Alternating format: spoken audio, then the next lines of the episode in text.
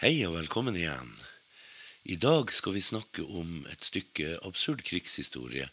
Det skal være ganske positivt, for det handler faktisk om en hær som gikk ut med 80 mann og kom tilbake som 81 mann.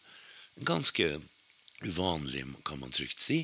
Men sånn var det siste gang Liechtenstein marsjerte ut i krigen.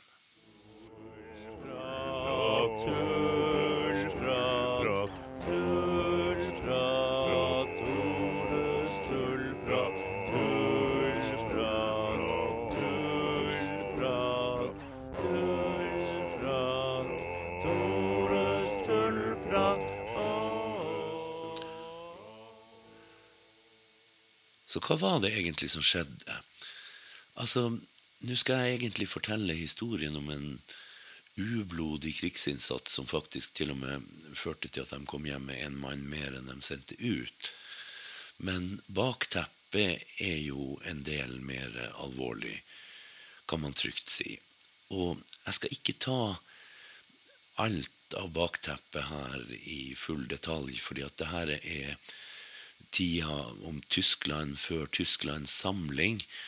Og det er aldeles ufattelig kompliserte greier. Med masse små stater, grevskaper og kongedømmer som egentlig hadde forskjellige interesser og allianser og på ingen måte kunne enes om særlig mye. Så Tyskland før samlinga i 1871 var et lappeteppe, kan man trygt si. Og de slåss veldig om innflytelse og makt innad i det som i dag er, er Tyskland.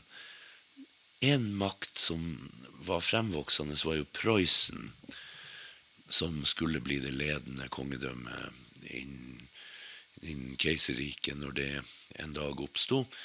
Men som på det her tidspunktet, vi snakker 1866, så var det Østerrike som dominerte den daværende store alliansen av tyske stater.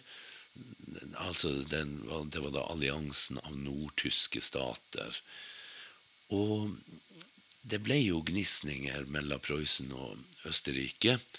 Ganske store, og de ble ikke mindre av av etterdønningene av krigen mot Danmark i 1864, hvor det oppsto ganske stor uenighet mellom Prøysen og Østerrike om administrasjonen av Schleswig-Holstein, som da ettertrykkelig var blitt tysk og ikke lenger dansk på noen måte.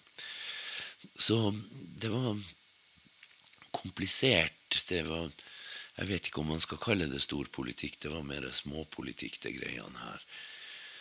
Da rett og slett kiving mellom stater som prøvde å forene seg, men ikke klarte på noen som helst måte. De, de, fikk altså forent seg etter 1871, men da uten Østerrike som del av Tyskland. For all del, det var jo storpolitikk involvert her. Fordi Frankrike holdt jo et nervøst øye med hva som skjedde i de tyske statene. Men det ble sånn at Napoleon 3. han valgte å ikke gripe inn i denne konflikten.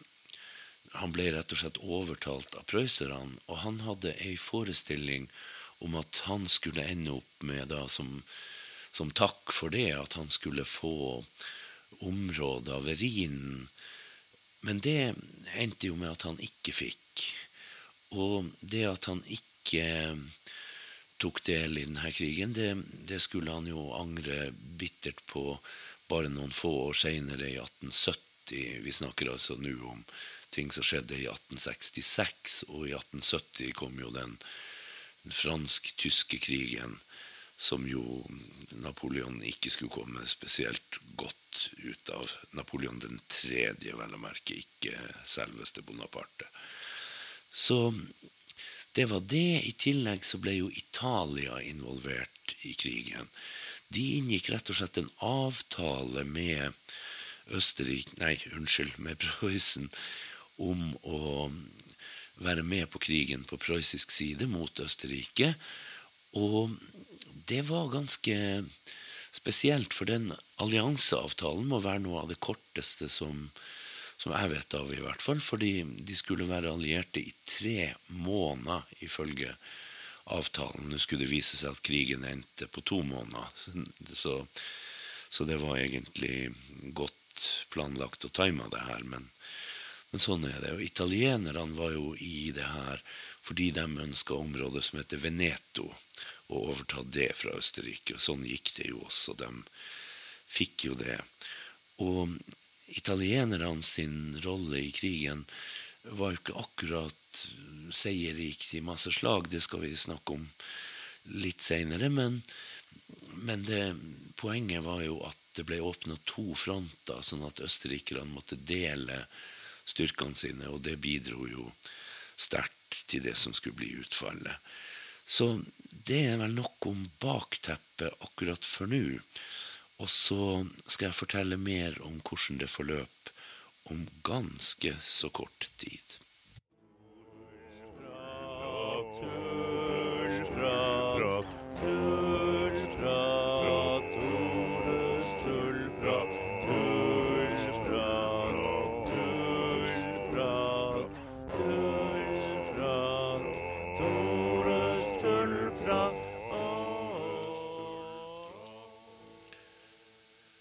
Jeg bruker jo alltid å knytte historiefortellinga opp mot gjenstander, og det skal jeg gjøre denne gangen òg.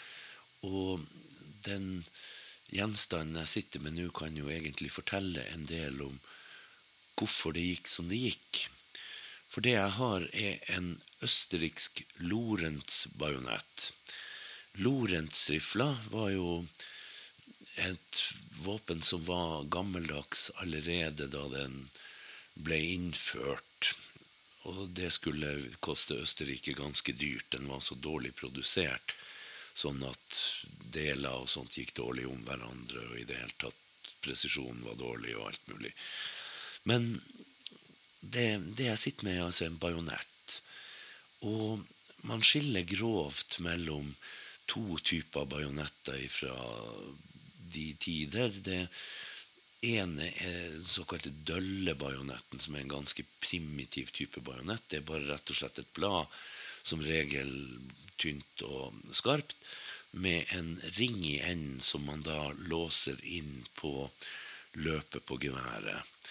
Så har man sverdbajonetter eller sabelbajonetter, som da har et, et blad som en, som en sabel, og et håndtak, rett og slett et grep sånn at, at bajonetten kan brukes Man kan slåss med den som sverd, uavhengig av geværet.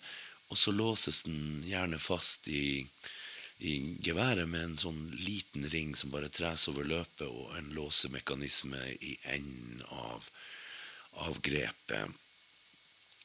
Lawrence-bajonetten til de vanlige Lorentz-geværene var jo en sånn primitiv døllebajonett som jeg har beskrevet, med bare et tynt blad, en spiss med, med en låsering. Den jeg sitter med, er en av de merkeligste bajonettkonstruksjoner jeg noensinne har sett.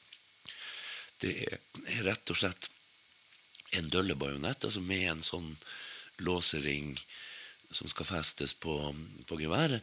Men samtidig med et voldsomt svært sverdblad.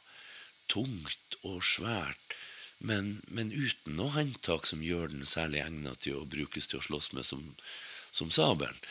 Så den er en, en merkelig mellomting. Og enda merkeligere er nesten grunnen til at den er laga. Fordi at Lorentz-geværet, som jo i utgangspunktet er langt og tungt, måtte lages i en kortere versjon for såkalte jegersoldater, som skulle ha en annen grad av mobilitet og sånt, og dermed måtte ha, ha mindre og lettere våpen. Så de fikk altså da en såkalt karabinversjon av Lorentz-geværet. Kortere, lettere, kjempebra. Men så når de da hadde lett av utstyret til de her soldatene, som måtte være veldig mobile og hurtige, så laga de altså en bajonett så gampete, så totalt uhåndterlig som det var mulig. Den må ha vært aldeles forferdelig å ha hengende i beltet under rask marsj, for å si det litt mildt, og i uveissomt terreng. Så de løste et problem med å lage ei kortere rifle, og ga dem i stedet et nytt og minst like stort problem med kanskje verdenshistoriens mest ubrukelige bajonett. Nå er jo ikke bajonetten alene årsaken til at det gikk som det gikk. Tvert imot var det mange ting her. For det, før i tida så brukte man jo flintlås, altså rett og slett da flint som slo mot stål, som sendte gnist ned i ei panne med krutt, som sendte da varmen inn i løpet og antente osv. Og, og man hadde jo da kommet over på den mer moderne perkusjonslåsen, hvor du har rett og slett ei sånn hette med eksplosivt materiale som, som da han slår imot, og som antenner ladninga.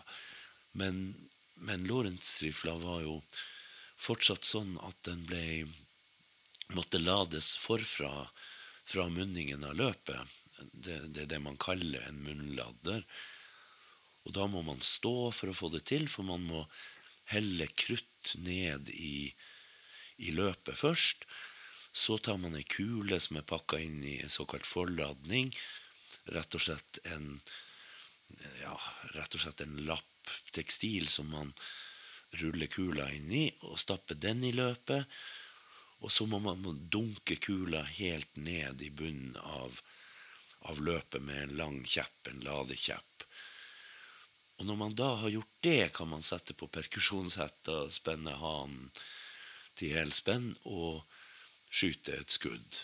Før man må gjøre alt det her på nytt igjen. Og det hadde jo menneskeheten gjort veldig lenge allerede. Men det, i det hele tatt teknologien var i ferd med å gå forbi det. For man hadde fått geværer som kunne laddes bakfra. Og tyskerne hadde Eller tyskerne, sier jeg, det er prøyserne på dette tidspunktet. Man anså for øvrig østerrikerne òg for tyskere, i og med at de tyskspråklige, selv om de ikke ble del av Tyskland seinere. Så prøysserne hadde da Dreise sin såkalte nålerifle, som er en modell som kom på markedet i 1848. Den kalles for nålerifla pga. at den har en slags tennål. et design med ganske store svakheter, men like fullt Det som er saken med, med dreisegeværet, er at du kan ligge og ladde det uten å reise deg. Og når du står og ladder en munnladder, så er du et perfekt mål for å bli skutt ned. Mens når du kan ligge i dekning og ladde uten å reise deg, så får du jo da et kjempeforsprang i forhold til de som må reise seg. Så prøysserne hadde rett og slett et kjempeteknologisk overtak på østerrikerne, rett og slett med bakladerrifler som tross alle sine svakheter fungerte godt på de fleste måtene. Så der ligger veldig mye av forklaringa på at resultatet ble som det ble. Og den her fullstendig ubrukelige tunge, lange bajonetten som jeg sitter med, er jo rett og slett et symptom på hvor feil man kan ta når man designer våpen og utstyr. Og de jo, kan jo regnes som et bevis på hvor mye sånt faktisk har å si når det kommer til stykket og det begynner å smelle rundt ørene på folk da bør ting fungere bedre, eller i hvert fall like godt som de gjorde på tegnebrettet. Sånn var det ikke, og konsekvensen var heftig. Prat,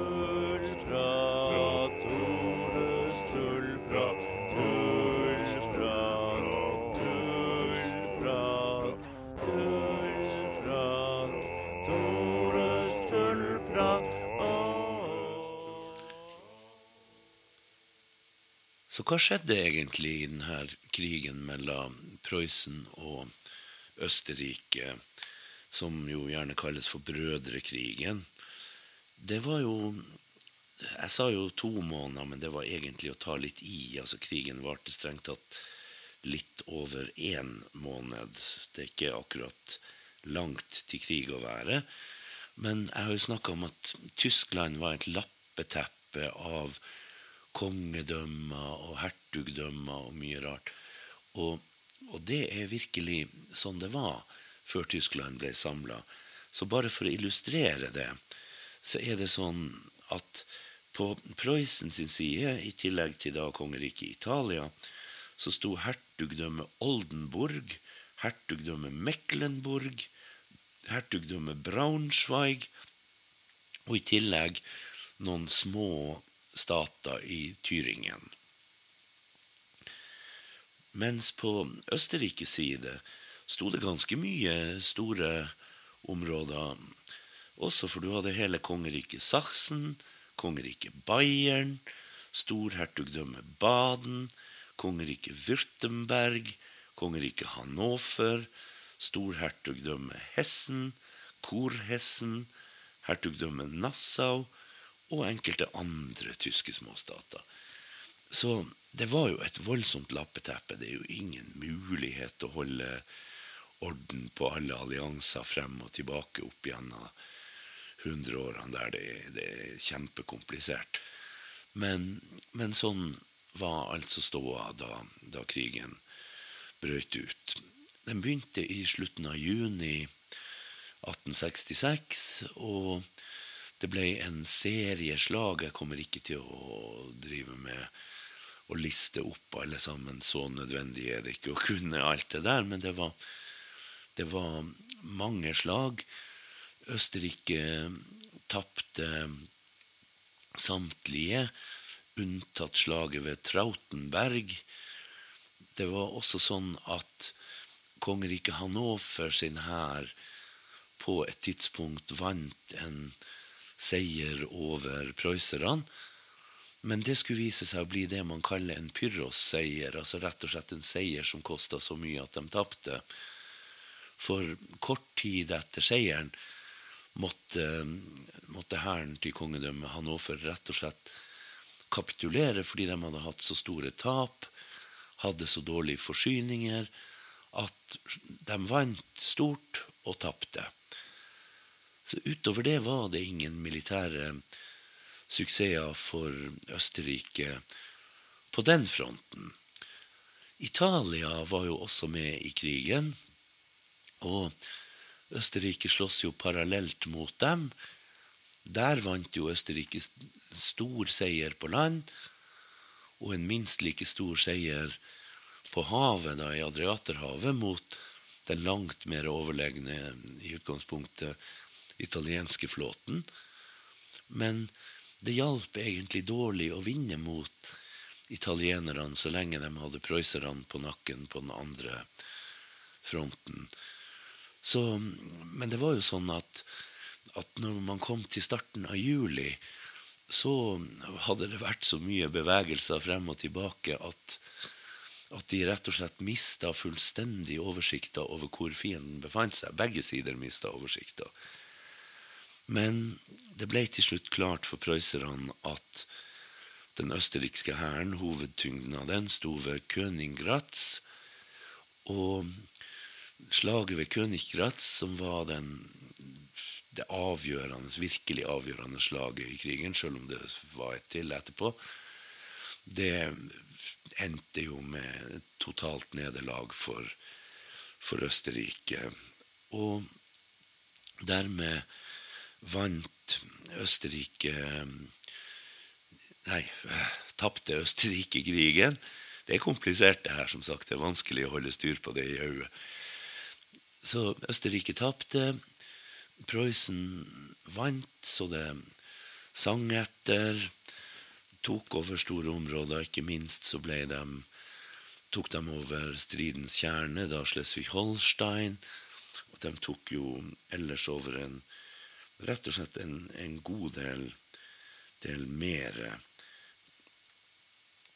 de, de vant jo da Hessen Kassel, fribyen Frankfurt, Hessen Nassau og deler av Hessen Darmstadt. Italia overtok jo regionen Veneto, som de hadde ønska seg, for de sto jo, selv om de hadde tapt slagene, så sto de jo på vinnersida da Østerrike kapitulerte. Så i det hele tatt Det var en kort krig.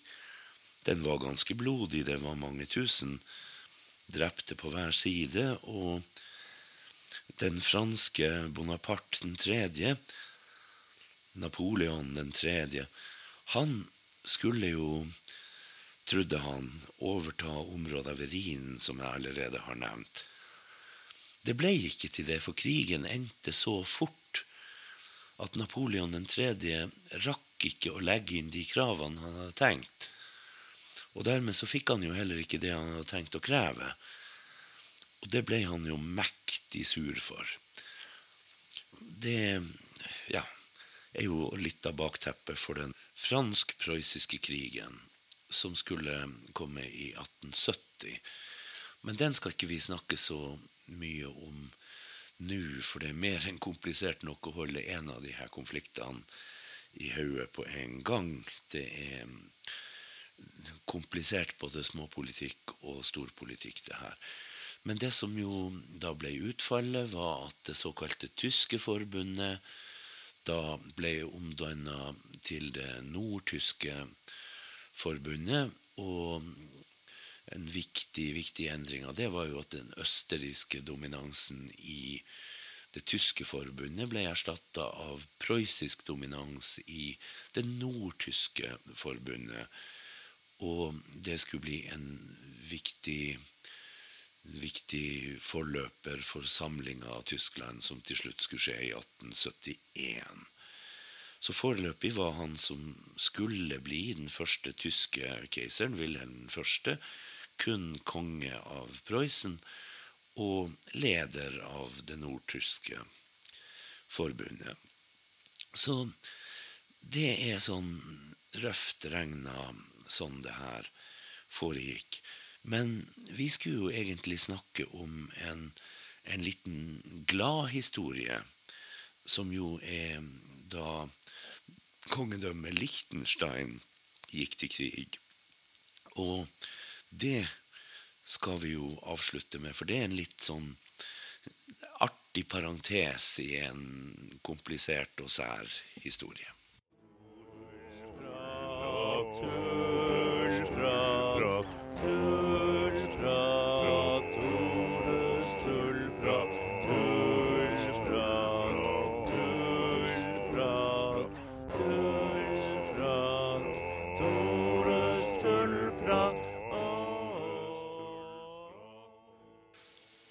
Så hva skjedde? Liechtenstein sto jo på den tapende sida, alliert med, med, Østerrike. Og likevel så kom de bedre ut av, av krigen enn alle, strengt tatt. Det er jo litt interessant. Altså, Liechtenstein er jo et knøttlite kongedømme. Og den totale hæren deres var vel rundt 100 mann. De sendte åtte 80 mann ut i krigen. Og så var det 20 mann som ble igjen for å vokte Liechtenstein som reservestyrker. Og de her 80 ble da sendt ut rett og slett for å, å vokte Brennerpasset. Brennerpasset er jo et veldig viktig pass i fjellene mellom Østerrike og Italia. Og ja, i det hele tatt strategisk veldig viktig. Men under denne prøyssisk-østerrikske krigen så, så, skjedde det jo ingen verdens ting i Brennerpasset. Så soldatene fra Liechtenstein, de satt nå der. Tok seg øl og røkte pipe og kjekk på de nydelige fjellene, og ingen verdens ting skjedde mens da hærene i lavlandet slåss og blødde, så, så satt nå de her soldatene oppe i passet og, og gjorde mer eller mindre absolutt ingenting. De holdt heltemodig vakt i tilfelle det skulle komme italienere. Så selvfølgelig en av grunnene til at de ikke mista folk, var jo rett og slett at de ikke slåss i det hele tatt. Men de, kom, altså, de sendte altså ut 80 mann i krigen.